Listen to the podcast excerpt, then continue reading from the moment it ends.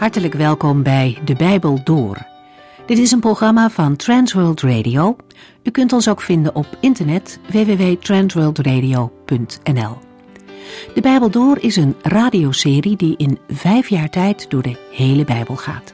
Van Genesis tot Openbaring, van kaft tot kaft.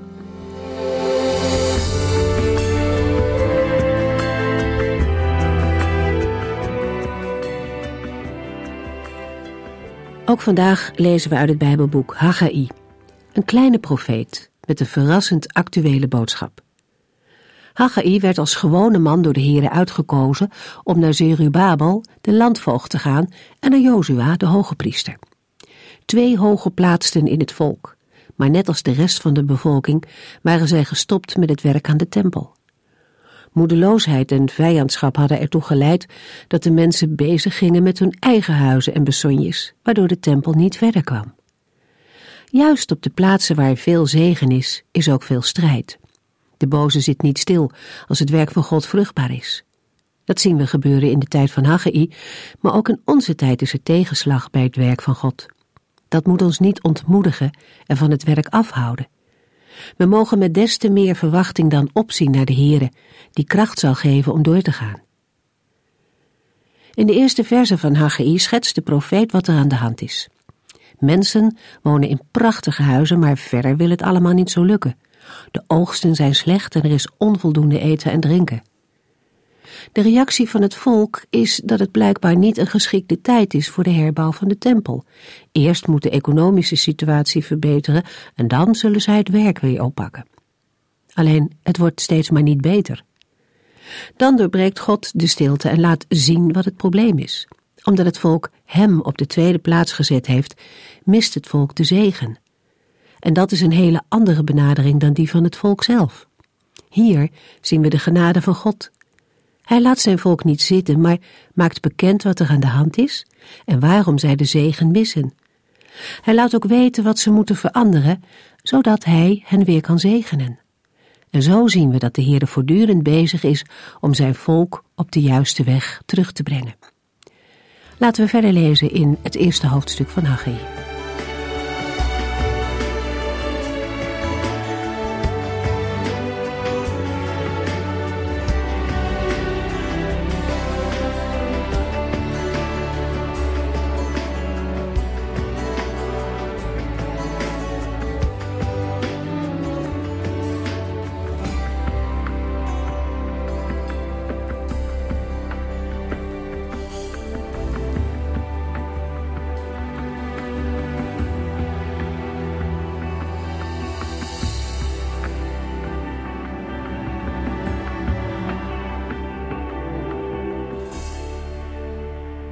De vorige uitzending sloten we af met de opdracht van de Here aan de leiders en de teruggekeerde ballingen. We in Haggai 1 vers 8 Trek dan de berg in, haal hout en herbouw mijn tempel. Dan zal ik werkelijk blij zijn en daar in macht en majesteit verschijnen, zegt de Heere. Op de boodschap van Gods verkiezende genade en welbehagen kan niet afwachtend of passief worden gereageerd. Krachtig klinkt het bevel van de Heere: trek dan de berg in, haal hout en herbouw mijn tempel. Er moet gewerkt worden in de wetenschap dat de Heere met de opdracht ook de kracht en wijsheid geeft om de opdracht uit te voeren. In het Bijbelboek Esra hebben we gelezen dat het volk na de terugkeer uit de ballingschap cederhout van de Libanon had besteld voor de herbouw van de tempel. Of het er ooit is gekomen, weten wij niet. Zo ja, dan heeft het ongetwijfeld klaargelegen voor gebruik. Zo nee, dan was er nu geen geld om het te kopen. Maar geen nood, er is hout genoeg op de berghellingen rondom Jeruzalem en stenen zijn er voldoende te vinden in de puinhopen van de verwoeste tempel. De Heere verkondigt zijn genade en zijn bevel zet aan tot actie. Immers daaruit blijkt ook of de Israëlieten de Heere op zijn woord geloven. Als zij doen wat de Heere hen opdraagt, dan verbindt de Heere er een geweldige belofte aan. Dan zal ik werkelijk blij zijn en daar in macht en majesteit verschijnen, zegt de Heere. Het is alsof de Heere de bezwaren van sommige oudere Israëlieten al voelt aankomen. Ongetwijfeld zullen zij zich herinneren hoe de tempel er vroeger uitzag en zeggen dat de nieuwe tempel niet goed en niet mooi genoeg wordt. Maar de Heere neemt die bezwaren bij voorbaat weg. Hij wil er wonen, omdat het zijn eigen werk is dat op deze manier gestalte krijgt. De Heere belooft dat hij er zijn heerlijkheid zal openbaren. Ik zal daar in macht en majesteit verschijnen. De profeet Ezekiel zag hoe de heerlijkheid van de Heere de oude tempel verliet. De Heere wilde en kon niet meer in de tempel blijven wonen. In Ezekiel 11 vers 22 en 23 ziet de profeet Ezekiel het laatste gedeelte van de reis van de Gerubs, de wielen en de heerlijkheid van God. De reis ging vanuit het Allerheiligste tot boven de ingang van de tempel, vervolgens naar de Oostpoort en dan vanuit de stad naar de oostelijke berg. Blijkbaar verlaat de heerlijkheid van de Heere de tempel en de stad, wat inhoudt dat zij een gewoon gebouw en een gewone stad zijn geworden, die kunnen worden overgegeven aan vijandelijke verwoesters. Waar de heerlijkheid van de Heere daarna verblijft, is onbekend, maar Ezekiel meldt later de terugkeer. Op andere plaatsen is de heerlijkheid duidelijk in de hemel. De Heere wilde niet meer in de tempel in Jeruzalem wonen, vanwege de zonde en afgoderij van het volk, en omdat de Israëlieten niet meer naar de Heere vroegen. Maar in de nieuwe tempel, die wat materiaal en uitvoering betreft, met de oude tempel niet zal kunnen wedijveren, daar zal de Heer in zijn macht en majesteit verschijnen. Dan zal Israël het weten. Dat is de plaats waaraan de Heere zijn zegen verbindt en het leven tot in eeuwigheid. Haggai 1 vers 9 tot en met 11 U rekende op veel, maar kreeg weinig. En toen u het binnenhaalde, blies ik het weg. Niets bleef over. En waarom? Omdat mijn tempel in puin ligt, terwijl u allemaal voor uw eigen huis loopt te draven. Daarom houd ik de regen tegen en geef u slechte oogsten. Ja, ik liet zelfs een grote droogte over het land en de bergen komen. Zo verdorde het graan, de druiven, de olijven en al uw andere gewassen. Onder de droogte hadden mens en dier te lijden en spande men zich tevergeefs in. De Heer had de leiders en het volk gevraagd om eens goed na te denken over wat hen allemaal is overkomen. In vers 7 lazen we: Denk toch eens goed na. Ga na wat u hebt gedaan en wat het gevolg ervan is geweest. In de versen 9 tot en met 11 helpt de Heere de leiders en het volk bij dat nadenken. De ballingen waren blij toen zij terugkeerden naar Jeruzalem. Toen hadden zij hoge verwachtingen, maar het was allemaal tegengevallen. De Heere zegt: U rekende op veel, maar kreeg weinig. En van het weinige dat ze hadden, bleef niets over. Hebben zij er wel eens over nagedacht waarom hen dit is overkomen? Dat de Heere dit had bewerkt, met de bedoeling hen tot inkeer te brengen? Nee, het volk was blind geweest voor het handelen van de Heere. We lazen: Ja, ik liet zelfs een grote droogte over het land en de bergen komen. Zo verdorden het graan, de druiven, de olijven en al uw andere gewassen. Onder de droogte hadden mens en dier te lijden en spande men zich tevergeefs in. Maar er was geen leider, de gouverneur niet en ook de hoge priester niet, geen enkele balling die op het idee was gekomen dat de Heere er mogelijk de hand in had en hen iets duidelijk wilde maken. Zij waren druk bezig om voor zichzelf een dak boven het hoofd te creëren, terwijl met eerbied gesproken de Heere dakloos was. Droogte over het land is erg, maar droogte over de bergen is nog veel erger, omdat op die hoger gelegen delen de regenval het grootst is. En als graan, druiven en olijven en alle andere gewassen verdorren, dan komt er hongersnood.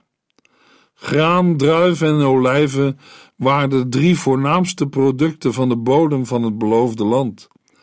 En bij misoogsten, grote droogte en hongersnood hadden de Israëlieten kunnen weten dat de Heer er de hand in had.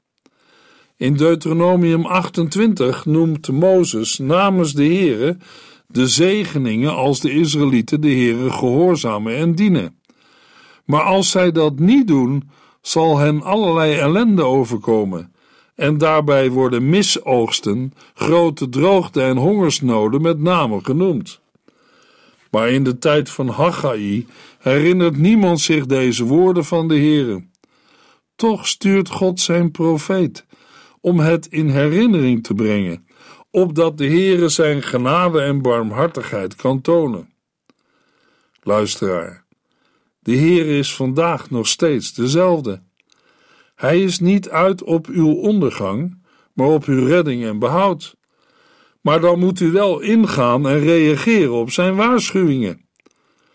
Over Gods roepstem en waarschuwingen lezen we in Ezekiel 33, vers 2 tot en met 14, waar de Heere tegen Ezekiel zegt: Mensenzoon, vertel uw volksgenoten als ik een leger ten strijde laat trekken tegen een land, moeten de inwoners van dat land een wachter aanstellen. Wanneer hij het leger ziet komen en alarm blaast om hen te waarschuwen, is ieder die het alarm hoort, maar er geen acht op slaat, zelf schuldig als hij sterft. Want hij hoorde de waarschuwing, maar wilde niet luisteren. Het is dan zijn eigen fout. Als hij wel op het alarm had gereageerd, had hij zijn leven kunnen redden. Maar als de wachter de vijand in de gaten krijgt en geen alarm slaat om de mensen te waarschuwen, is hij verantwoordelijk voor hun dood. Ze zullen in hun zonde sterven, maar hun dood zal ik de wachter aanrekenen. Mensenzoon, ik heb u aangesteld als wachter over het volk Israël. Luister daarom naar wat ik zeg en waarschuw het namens mij. Als ik tegen de goddeloze zeg: U zult sterven, en u waarschuwt hem niet dat hij zich moet bekeren, zal hij vanwege zijn schuld sterven, maar ik zal u verantwoordelijk stellen voor zijn dood.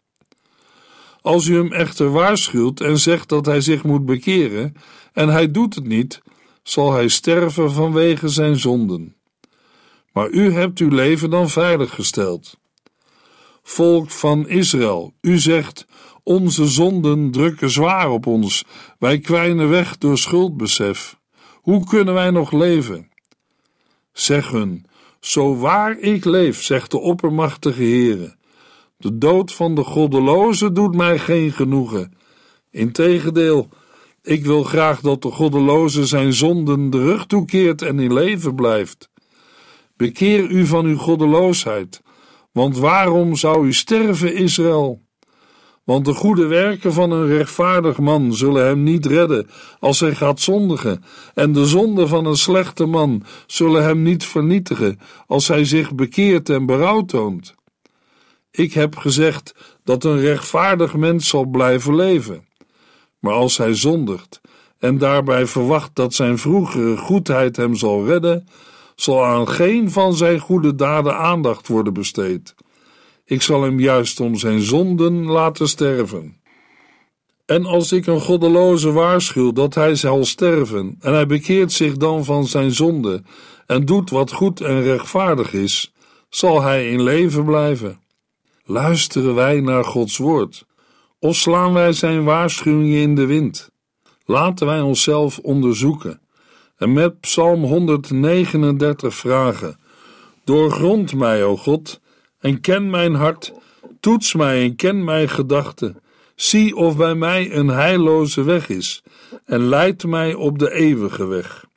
Haggai 1 vers 12 Serubabel, de zoon van Zealtiel, en hoge priester Jozua, de zoon van Jozadak, en de weinige mensen die nog in het land waren overgebleven, luisterden met diep ontzag naar Haggai's boodschap van de Heere hun God. In vers 12 heeft Haggai gedaan wat de Heere hem had opgedragen. Daarmee zijn we bij een belangrijk punt. Nu gaat het erom spannen. Hoe zullen de leiders en het volk reageren op de boodschap van de Heere? Wat hebben de woorden die Haggai namens de Heere moest doorgeven uitgewerkt? Hoe zullen de leiders reageren? Serubabel, de gouverneur, kan zeggen: Ik krijg dit volk niet in beweging. En Jozua, de hoge priester, zou kunnen zeggen: Maar we brengen toch nog brandoffers. En het volk? Zullen de overgebleven Israëlieten komen met hun ja-maars? Gelukkig niet. We lazen in vers 12: Serubabel en hoge priester Jozua en de weinige mensen die nog in het land waren overgebleven, luisterden met diep ontzag naar Haggai's boodschap van de Heere, hun God. Zij luisterden, en dat is al een heel ding. Daartoe roept de Heere steeds op. We lezen het vaak in de Bijbel. Hoor Israël, de brieven aan de zeven gemeenten in Klein-Azië eindigen allemaal met de woorden: Als u oren hebt, luister dan naar wat de Geest tegen de gemeenten zegt. Dat de Israëlieten met diep ontzag luisterden naar Haggai's boodschap van de Heere hun God, betekent dat zij in de woorden van de profeet Haggai de stem van de Heere horen, en dat maakt het grote verschil. Zolang zij alleen Haggai horen, kunnen zij denken: die man heeft makkelijk praten. En dat is vandaag nog zo. Zolang mensen, u, jij en ik, alleen maar de stem van een of andere prediker of dominee horen, kunnen wij ons gemakkelijk van de boodschap afmaken. Met opmerkingen als: die man preekt te zwaar, of andersom, is te licht, of ik heb nog veel in de preek gemist of woorden van gelijke strekking, dan blijft de mens in de boodschapper steken en doet de boodschap een mens niets. Maar als ik in de verkondigde boodschap de stem van de Heere hoor, dan wordt het anders. Dan leer ik buigen en luister ik met diep ontzag. En dat gebeurt in Haggai 1 vers 12 op het tempelplein. De leiders en het volk horen hoe de Heere zelf door de mond van zijn dienaar Haggai tot hen spreekt. En de stem van de Heere dringt door tot in het diepst van hun ziel. Want dat zien we aan de uitwerking van Gods woorden in de levens van de hoorders. Zij luisterden met diep ontzag naar Haggai's boodschap van de Heere hun God. Dat is meer en anders dan dat iemand zegt: Ik heb het gehoord. Als God spreekt in het leven van een mens echt wordt gehoord, dan wordt hij of zij aan zichzelf ontdekt. Dan komt een mens onthutst tot het besef: waar ben ik nu eigenlijk mee bezig? Want de eerste reactie van het volk op het spreken van de Heere na zoveel jaren is een besef van zonde. Je grijpt naar je hoofd en fluistert: Wat heb ik gedaan? En in het geval van de Israëlieten in de tijd van Haggai, wat hebben wij nagelaten? Als Gods woord werkelijk doordringt, dan weten wij ons geen raad. Dan hebben we niet alleen te worstelen met de tijdelijke gevolgen van de zonde, maar dan beleiden we, Heere, als u met ons zou handelen nadat wij hebben verdiend, dan mochten wij niet eens voor uw aangezicht komen en bij u wonen dan joeg u ons voor eeuwig weg van voor uw aangezicht. Maar dan komt ook het evangelie aan de orde, de blijde boodschap. Zolang een mens over zijn zonde heen leeft, zal hij of zij niet voorspoedig zijn. Dan klaagt God ons aan, dan is er geen verzoening voor onze zonden en wekt de mens alleen Gods boosheid op. Maar als een mens werkelijk spijt heeft van zijn zonde en overtredingen. Dan stuurt de Heere zijn dienaar naar datzelfde volk met de opdracht om de treurenden te troosten. We lezen het in Haggai 1 vers 13. Toen stuurde de Heer opnieuw een boodschap aan zijn volk via zijn profeet Haggai en zei: Ik ben met u, ik zal u zegenen. Haggai moest een moeilijke boodschap aan het volk doorgeven. Waarom woont u in uw luxueuze huis en ligt mijn tempel in puin? Ga na wat u hebt gedaan en wat het gevolg ervan is geweest. Maar in vers 13 is het een ontroerend moment, als de profeet Haggai het volk mag toeroepen: De Heere zegt: Ik ben met u, ik zal u zegenen. De situatie is niet veranderd. Vanaf het tempelplein zijn de zwarte puinhopen en resten van de verwoeste tempel nog steeds te zien.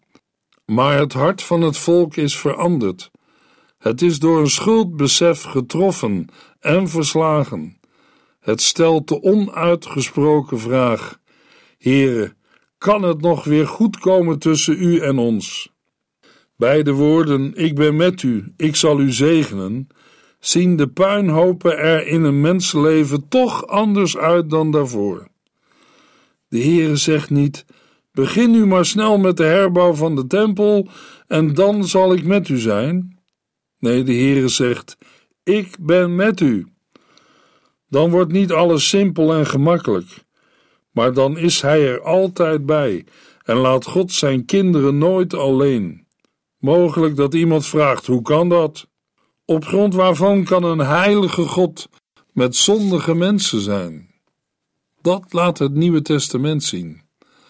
Want dat kan alleen maar in en door Hem, van wie de profeet Jezaja de naam noemt, Immanuel. Dat betekent God is met ons. Immanuel, dat is Jezus Christus, die de tempel van zijn lichaam liet afbreken en die hem in drie dagen weer opbouwde. In hem is God Immanuel voor mensen. Ook voor hen die na ontvangen genade zo dikwijls ver van hem zijn afgedwaald, omdat ze zo in beslag worden genomen door de dingen van elke dag. Haggai 1, vers 14. En de Heere van de hemelse legers gaf Serubabel, Jozua en de weinige mensen die nog in het land waren, het verlangen in het hart om zijn tempel te herbouwen. In vers 14 wordt de reactie van de leiders en van het volk nader omschreven als een werk van de Heere. Hij is het die de genoemde leiders en het volk het verlangen in het hart geeft om het huis van de Heere, de tempel, te herbouwen.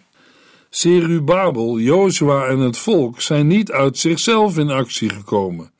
Nee, het is de Heere God die dat bewerkt. Hier past een verwijzing naar Filippenzen 2 vers 13, waar we lezen: God is onder u aan het werk. Hij zorgt ervoor dat u hem graag wilt gehoorzamen en dat u ook doet wat hij van u vraagt. Zo bereikt hij zijn doel. Maar deze woorden sluiten de menselijke verantwoordelijkheid niet uit.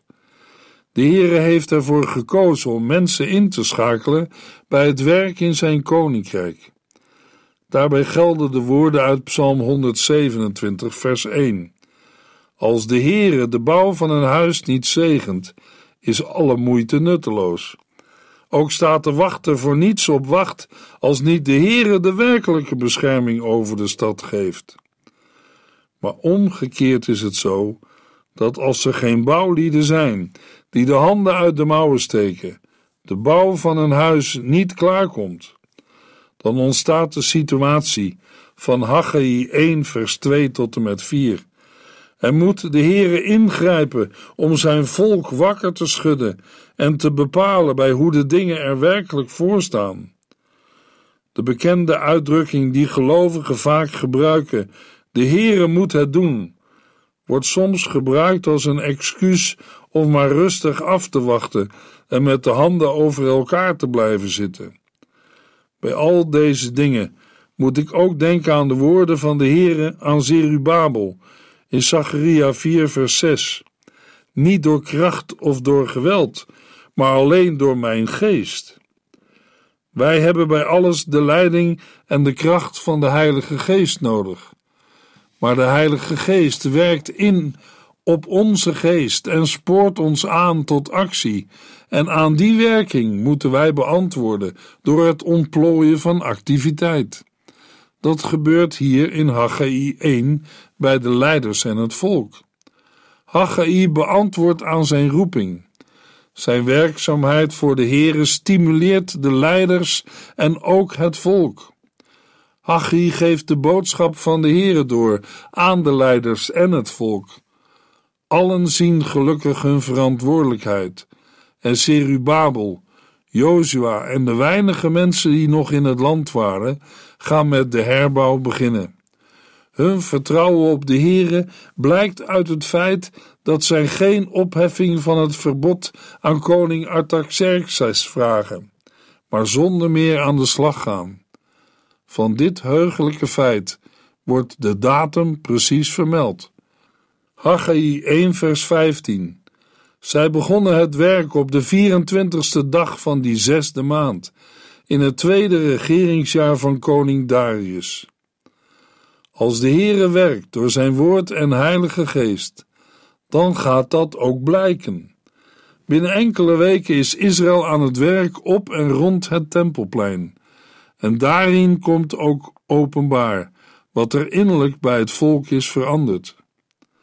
We lazen in vers 14: De Heere van de hemelse legers gaf Serubabel, Jozua en de weinige mensen die nog in het land waren het verlangen in het hart om zijn tempel te herbouwen. Dat mogen we ook duiden als vrucht op het profetische werk van de profeet Haggai. Het woord van de Heere draagt vrucht. De Heere geeft een verandering van denken en raakt de harten aan van de leiders en het volk. Zullen nu de omstandigheden ook veranderen? Daarover meer in de volgende uitzending.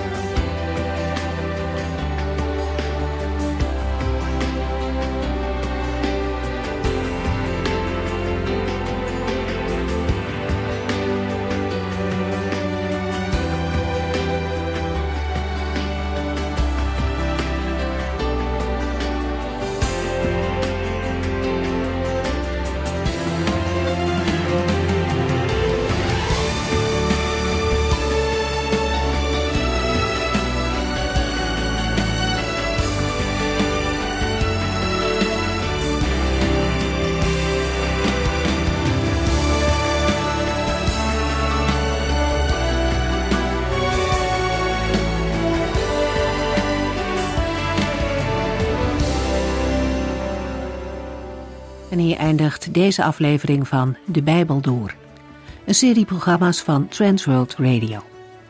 Wilt u ons iets vragen of meer weten? Dan kunt u altijd contact met ons opnemen. Bellen kan overdag met 0342 478432. Per post Transworld Radio. Postbus 371. Postcode 3770. Anton Johannes in Barneveld. En e-mailen kan ook. De Bijbel door at transworldradio.nl En natuurlijk ook via onze website transworldradio.nl Dit programma werd gepresenteerd door Cor Weda en Ike André. En namens iedereen die er nog meer aan meegewerkt heeft, graag tot de volgende keer.